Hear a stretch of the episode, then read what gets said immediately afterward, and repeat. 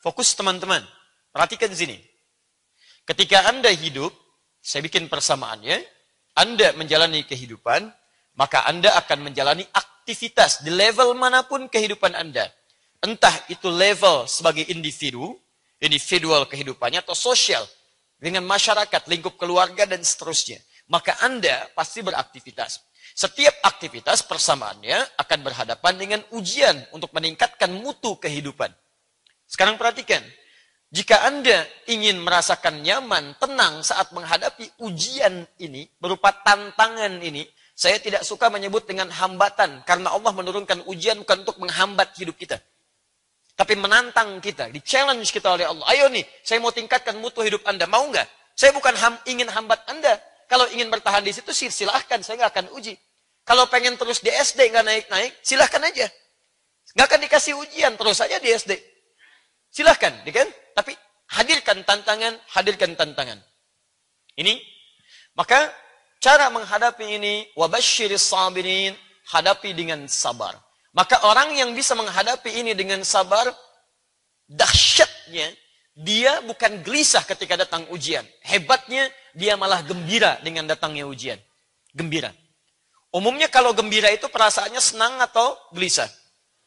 Senang. Umumnya positif atau negatif? Jadi bagi orang sabar, ujian itu positif, bukan negatif. Makanya gembira dia. Sekarang cek teman-teman sekalian. Berapa kali kegembiraan hadir ketika Allah hadirkan ujian dalam kehidupan Anda? Pernah nggak punya perasaan gembira ketika sandal Anda hilang di masjid? Pernah nggak punya perasaan gembira ketika gaji Anda telat misalnya tiga hari? Pernah nggak ibu punya perasaan gembira ketika uang belanja tertahan satu pekan? Bisa? Ada nggak perasaan itu? Atau jangan-jangan kita banyak mengeluhnya. Padahal ketika Allah menguji, lihat persamaan Qur'annya. Mustahil Allah uji pada hamba yang tidak sanggup menjalani ujian itu. Quran surah kedua ayat 286. La yukallifullahu nafsan illa wus'aha. Perhatikan persamaannya. Hanya Anda turunkan beberapa turunan Qur'annya supaya bisa kita pelajari dan terapkan dalam kehidupan. La yukallifullahu nafsan illa wus'aha. Allah tidak mungkin memberikan ujian di luar batas kemampuan yang diuji itu. Jadi kalau Anda diberikan ujian oleh Allah, itu artinya Anda mampu mengatasinya. Karena Allah tidak akan mungkin menurunkan ujian pada yang tidak mampu. Silahkan cek, mau ujian ringan, Anda mampu. Hamukallah. Anda ujian berat, pasti mampu. Sangat berat, Anda mampu.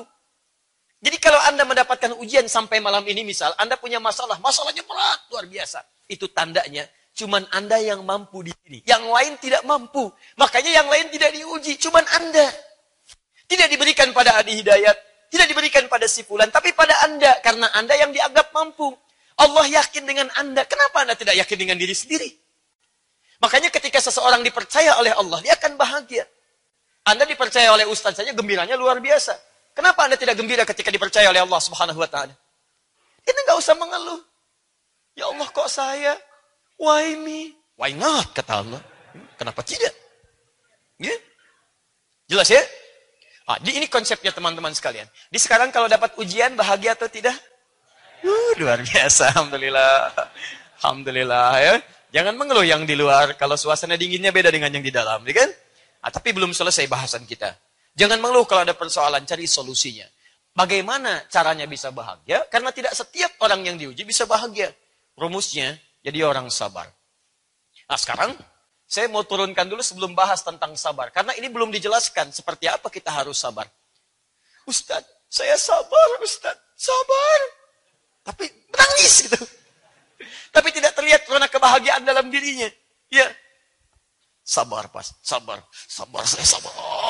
Oh Masya Allah. Sabar tapi merusak benda. Sabar tapi membanting pintu. Sabar tapi mecahin piring. Itu bukan sabar. Kita nanti turunkan beberapa penjelasan apa yang dimaksud dengan sabar di sini. Tapi saya simpan dulu penjelasan ini. Saya pengen turunkan dulu begini.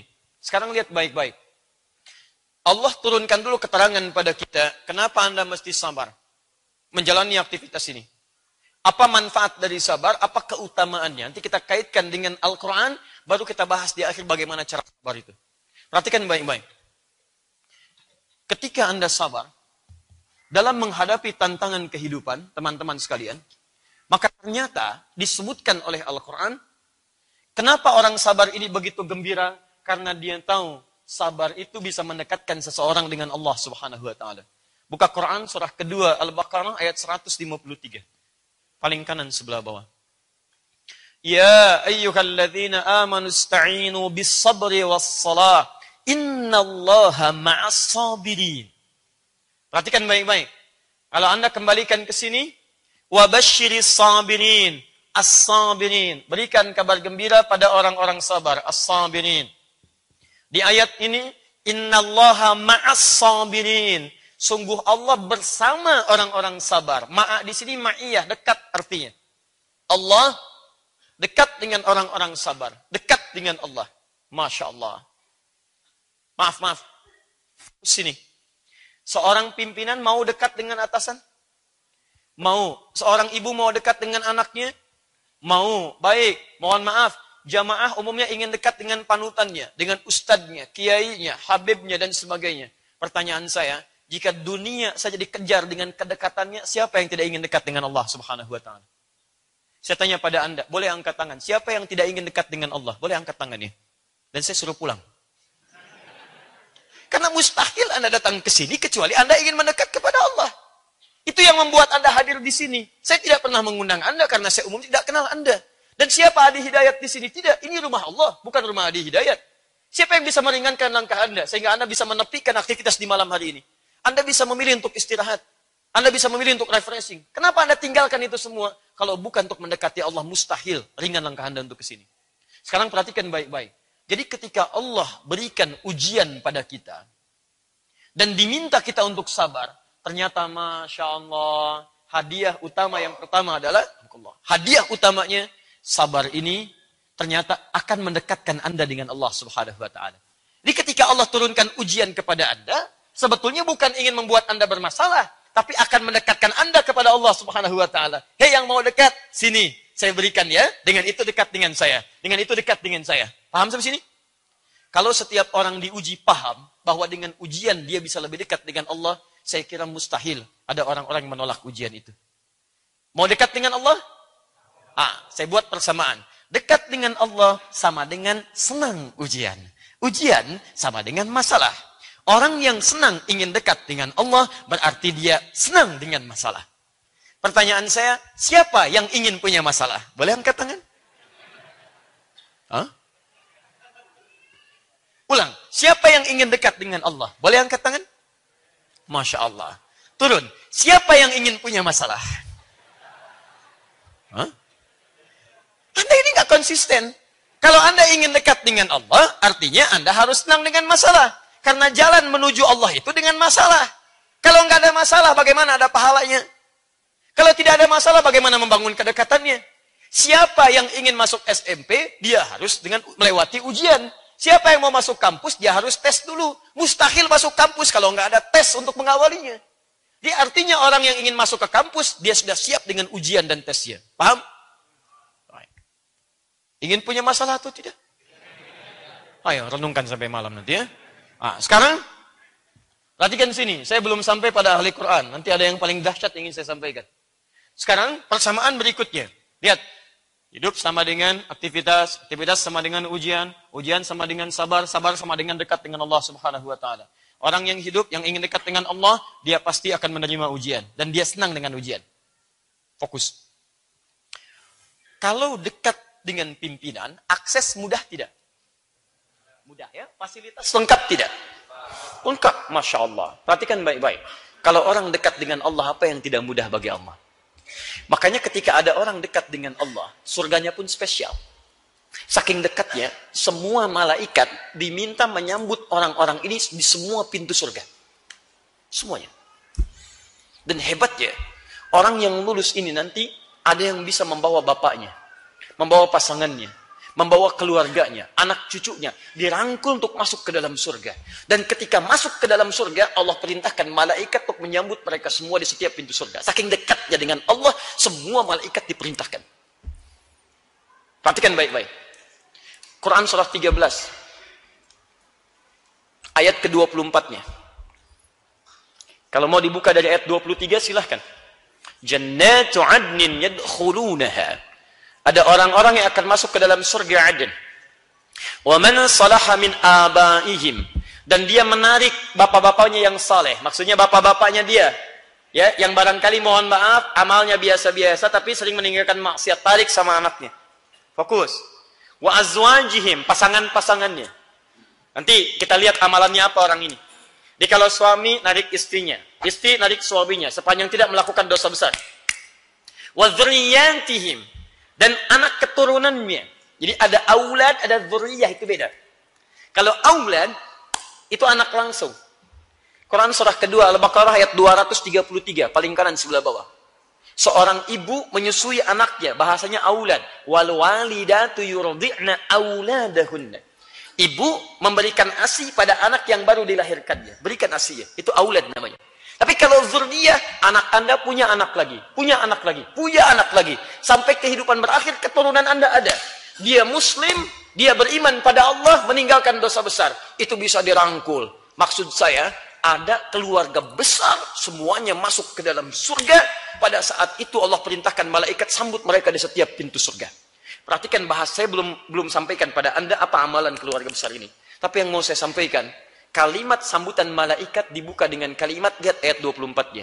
Salamun alaikum bima sobartum. Selamat. Kalian bisa masuk surga karena sabar saat menjalani kehidupan di dunia itu. Sabar. Di ternyata sabar itu saat Allah hadirkan di dunia lewat persoalan-persoalan di hidup, masalah itu bukan menjadikan hidup Anda bermasalah, bukan. Tapi ternyata masalah itu bisa mengantarkan Anda ke surga terbaik yang Anda bisa masuki. Siapa di antara antum yang tidak mau disambut oleh para malaikat? Siapa yang tidak ingin dekat dengan Allah dan ahli sabar masuk surganya spesial. Disambut semua malaikat dikatakan salamun alaikum bima sabartum. Wal malaikatu yadkhuluna alaihim min kulli babin. Malaikat masuk ke dalam ke, kepada mereka menyambut di setiap pintu surga. Salamun alaikum bima sabartum fa ni'ma dar. Selamat ya bisa masuk ke sini tempat yang paling enak dan abadi. Kalian telah sabar, sabar saat di dunia. Jadi perhatikan. Fokus ke sini apa hubungan dengan para penghafal Al-Quran? Jika urusan dunia saja, yang bisa membuat Anda lancar dalam urusan kehidupan dunia, bisa mendekatkan Anda dengan Allah disambut di sorga, maka bagaimana dengan orang-orang yang menghafal Al-Quran? Bukankah Al-Quran firman Allah? Otomatis Anda menghafal firmannya, artinya Anda mencoba mendekat jauh kepada Allah dibandingkan yang lainnya. Ada orang ingin dekat dengan Allah, tapi lewat dunia, cari pekerjaan yang halal.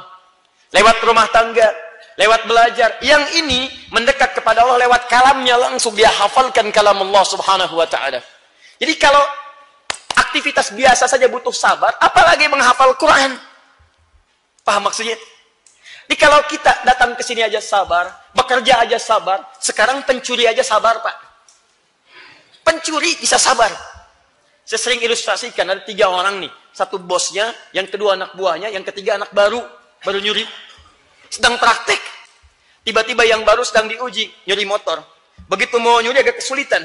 Bos, susah. Kata bosnya, sabar, terusin. Sabar. Orang nonton bola bisa sabar. Nunggu sampai malam. Wah, MU nih, MU lawan Sevilla, lawan Sevilla, lawan Sevilla. Masya Allah. Padahal kosong-kosong. Coba cek, saya nggak nonton, nggak ada kerjaan. Walaupun saya tahu hasilnya. Madrid menang 3-1 lawan PSG kemarin. Kira-kira Neymar yang mau masukin ternyata bukan. Masya Allah, pertama PSG 1-0, dibalas kemudian oleh Ronaldo. Penalti sih bolanya agak ngangkat dikit, agak aneh juga tuh. Belum lihat udah ngangkat ya. Saya tahu saya.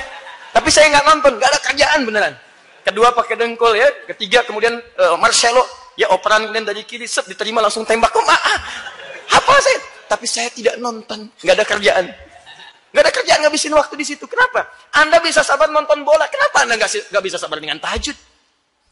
Orang maksiat bisa sabar. Kenapa Anda taat tidak bisa sabar? Dan kesabaran tertinggi adalah kesabaran saat menghafal firman Allah Subhanahu wa taala. Karena Anda langsung berhadapan dengan Sang Pencipta di situ. Menghafal firman-Nya. Kalau urusan untuk dunia bisa sabar, kenapa urusan untuk firman Allah kita tidak bisa sabar?